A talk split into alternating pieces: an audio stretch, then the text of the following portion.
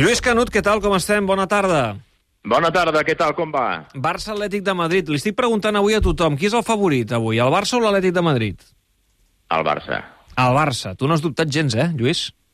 Bueno, aviam, eh, sempre aquests partits són molt, molt, molt, molt igualats, no? I es decideixen per petits detalls, però tenim l'antecedent històric que l'Atlético de Madrid amb el Cholo Simeone no ha guanyat mai al Camp, no anava a dir al Camp Nou, però no ha guanyat mai com a, com a visitant en un partit de Lliga eh, contra el Futbol Club Barcelona, no? És veritat que en les seves visites al Camp Nou amb dos empats va treure dos títols de Lliga, però, però guanyar el que és guanyar no ho ha aconseguit mai. I aleshores doncs, aquest, aquest argument psicològic de, de, de l'estadística que juga a favor del Barça crec que pot ser el que li acabi sent determinant per, per continuar sumant victòries contra el Cholo Simeone, que no deixa de ser un bon client quan ve de visitar Can Barça. Ja ho has vist, Joao Fèlix entre totes les mirades, i Enrique Cerezo, el president de l'Atlètic, avui, abans d'entrar al dinar de directives, ha dit, home, ja pots celebrar si fa un gol, eh, no hi ha cap problema. Home, és que l'Atlètic té unes ganes de col·locar a Joao Fèlix al Barça que, que va boig, no? Perquè, clar, és evident que té un problema amb aquest jugador, que, que no, no li encaixa ni la de 3 en, el, en la manera d'entendre el futbol del Cholo Simeone. I si aconsegueix eh, doncs, col·locar-lo al Barça, doncs es resoldrà una, una, un problema que té des de fa molts anys, des de, des de que el va fitxar com un, no oblidem, com un fitxatge estrella, perquè amb el que va sumar, amb el que va ingressar en el seu moment per Griezmann quan el va col·locar al Barça, pràcticament s'ho van gastar tot amb el fitxatge d'aquest nano que aleshores tot just començava a despuntar al futbol portuguès, al Benfica, i en alguna aparició fugaç a la, a la Lliga de Campions. I, i després no, no, no es va correspondre el seu rendiment amb el que s'havia esperat del seu fitxatge milionari, no? I ara tenen aquest problema de que no saben com col·locar-lo, com treure-se'l de sobre, però queda clar que el Barça no pagarà ni, ni, ni, ni boig, perquè primer perquè no pot aquests 70 milions que diuen que està disposat a demanar a l'Atlètic de Madrid pel seu menino, pel seu, per la seva antiga estrella. Un segon, eh, Canut, perquè mira, tinc un bon amic teu, l'Escobar, seguim el partit del Johan Cruyff i acaba de caure un gerro d'aigua freda pel Barça Atlètic. Pere. I de la manera més tonta, amb una jugada aïllada amb el partit escolant, se quedaven dos minuts pel final, pilota que queda solta, va de tothom, comença a córrer Davo i sobre la sortida de Marc Vidal aconsegueix l'1-2 favorable al Deportiu de la Corunya. La veritat és que l'havia merescut en aquesta segona part, però és que el partit ja se n'anava i se n'anava amb l'empat cap als vestidors. Al final ha acabat guanyant, o acaba guanyant el Deportiu 1-2, quedarà minut i poc perquè s'acabi un gol merescut, però, però un gerro d'aigua freda. Sí, perquè el Barça Atlètic, és veritat que l'empat no era el millor resultat jugant a casa, però evidentment amb la derrota fa un pas enrere. Seguirà en posicions de play-off, eh? això sí, eh, amb 26 punts, eh, serà quart ara mateix a la classificació, posició de play-off, però veurà com se li escapa una mica la cultural, que és el líder amb 30 punts, que és la posició, recordeu, en aquesta primera federació, l'única que dona l'ascens directe. Es dius un minutet, eh, Pere?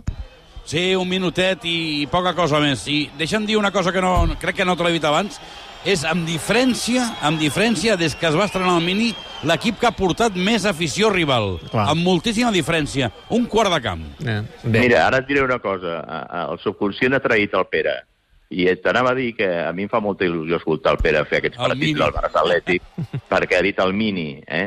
I, eh, I et dic això perquè el Pere per mi és un home del Mini, perquè jo el vaig conèixer fa més de 30 anys, bueno, 40 anys, quan vam començar a Catalunya Ràdio, i el Pere era un, un d'aquests que s'arrossegava i que, que dominava com, com, com ningú les clavegueres del Mini, i per mi sempre el seu nom em ve associat al mini-estadi, i ara mateix doncs, l'ha tret el subconscient i ha dit des de que es va inaugurar el Mini, no, no, Pere, el Johan Cruyff Arena. El Johan Cruyff, Sí, sí, sí. tens raó, tens raó, Lubi, tens raó. Ara li dic el Johan Cruyff Arena perquè és l'antic arena d'Amsterdam, el Johan Sí. Cruyff Estadi. Eh? T'he de dir també que jo avui he pensat en tu i amb el Llévoles. perquè... El Llevoles, a veure, expliqueu per aquells que no entenem de què va la venia a fer el història. Deportivo que fa una mica de coset a veure la primera ref al Deportivo que tu i jo l'hem vist a val de tot Sí. quan anàvem a, la- a la Corunya a, a Lluís sempre Anàvem sempre a dinar, anàvem a dos llocs. Un era els Susos, allà ben a prop de la Torre d'Hèrcules, te'n recordes? sí, Eh? sí, sí, sí. I l'altre era el Llévoles, que era un, un restaurant que hi havia allà darrere de la, de la plaça de, de, de l'Ajuntament de la Corunya. I et diré una cosa, hi vaig tornar ara fa pocs anys i el propietari, Julio, havia mort. Oh! Ah, però el restaurant encara n'existeix, doncs, vaig, Canut, o vaig no? tenir un disgust enorme. Em va despatxar el seu fill, que jo vaig preguntar pel pare, i em va dir, por Sí. desgracia, murió hace 3 o 4 años. Vaja. Bé, ves que s'acaba el partit, el eh? partit, eh? Amb una 2 Ha al acabat el marcador. partit amb el, amb el 2 a 1. Bé, doncs Bueno, victòria del a Depor, derrota del Barça Atlètic. Així alguns diran que es desinfla el, el suflé Márquez. Ah, sí, mira, mira, ja va, ja va bé que, que treguis el tema. Escobar, gràcies, et deixo anar a vestidors. Molt bé, fins A ara. veure què s'explica Rafa Adéu, Márquez. Pere, que vagi bé. Eh, Tot Adéu, aquell tema Lluís, de, de Rafa Márquez, eh, Canut, eh, tu li vas donar alguna, alguna força? Home, que aviam, que Rafa Márquez és, un, és una persona, un tècnic que agrada a la casa, això és més que, que conegut, no? I que, a més a més, ve avalat per, per les recomanacions de l'Alejandro Echevarría, que és una persona que influeix moltíssim en el que és tot això de l'àrea esportiva del club, perquè pràcticament tots els que hi ha al capdavant de l'àrea esportiva han estat referenciats per Alejandro Echevarría, començant pel, pel mateix Rafa Márquez, continuant pel Deco i seguint pel, pel Xavi Hernández. I aleshores, doncs, això és més que conegut. I, clar, eh, Rafa Márquez, a diferència del Xavi Hernández, té una cosa que, que li suma, i és que ell ha passat pel càrrec d'entrenador de l'equip filial, que és una, una assignatura que li agrada a Joan Laporta que aprovin tots els candidats a seure's a la banqueta del Camp Nou, com en el seu moment van fer, van aprovar, Mm. i amb nota alta sobresalient, doncs, Pep Guardiola i el mateix Luis Enrique, no? I és, i és una cosa que, diguem-ne, que no va fer Xavi Hernández i que, diguem-ne, doncs, eh, li resta, li resta diguem-ne, eh, suports l'actual tècnic del Barça respecte als que s'hi han passat pel, per la banqueta del, del, del filial del, de la, del club. T'he llegit avui a Mundo Deportivo i m'ha fet molta gràcia quan explicaves les històries del Roberto Dinamita i de tots els brasilers que han passat pel Barça. Ara que Sí. Vitor Roque ja és un fet, vindrà aquí a Barcelona. Um, clar, veure'n no l'hem vist, perquè ve del Brasil i això fa molt complicat que el tinguem controlat. A més, és molt jove, té només 18 anys. Però tu, um, et fa una mica de por aquest fitxatge. Ho dic perquè has citat aquest cas del Roberto Dinamita, que va ser un brasiler que venia, Sí, ah, que en sí, aquest eh? cas amb etiqueta de crack, també hi arriba Vitor Roque i va sortir molt malament. Sí, mm, Roberto Dinamita era més veterà, tenia més experiència que Víctor Roque, però és que Víctor Roque, ara tu has dit, és una nova de 18-19 anys que ve amb molt poca experiència més enllà de la que pugui tenir com a futur crack en el futbol brasiler. Ens hem omplert la boca moltíssimes vegades de dir, no, escolta, els brasilers, abans de venir a un club de les residències del Barça han de fer l'aprenentatge a Europa, no amb lligues menors.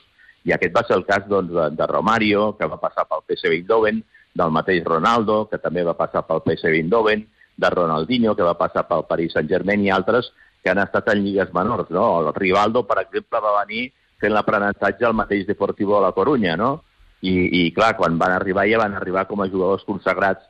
Clar, ara ficar en, en tot aquest embolic que, que hi ha en aquests moments doncs, en un equip de les exigències, de, de les urgències històriques, com deia Menotti, del Barça, a un nano de 18, 19 anys, perquè sigui doncs, el substitut eh, o l'hereu de, de Robert Lewandowski, em sembla prematur i em sembla, em sembla exagerat. Mm, eh, clar que, que la situació és la que pinta i el Barça no té, no té una altra possibilitat per reforçar aquesta demarcació de davant de centre que fer efectiu doncs, el, els seus drets sobre, sobre el fitxatge de Vitor Roque, però, però veia que, que hi ha una cremar aquest eh, jugador massa, massa aviat. Mm. Bé, um, uh, per cert, la setmana que ve ens trobarem de nou a l'Snac Barça, que el Paco m'ha dit que avui tancava, cosa que no he No, Paco, entès. saps què? Fa, No fa, entès, fa, no, eh? no, no fa pont, fa aquaducte. Ah, vale, com, com és possible que tanqui el dia d'un Barça Atlètic de Madrid? No, Eh, no, no, Aquest no, home no, fa ja coses m'ho va molt dir la setmana passada. Escolta'm, Mm. que diumenge no hi seré perquè me'n vaig amb la Dolors Ah. a, a fer una, una llarga setmana de, de, de, de Ah, vacances ah, aprofitant tots superaquaducte. aquests ponts. Superaquaducte. I ella ha fet, ha fet l'aquaducte, clar. és que bé. també és veritat,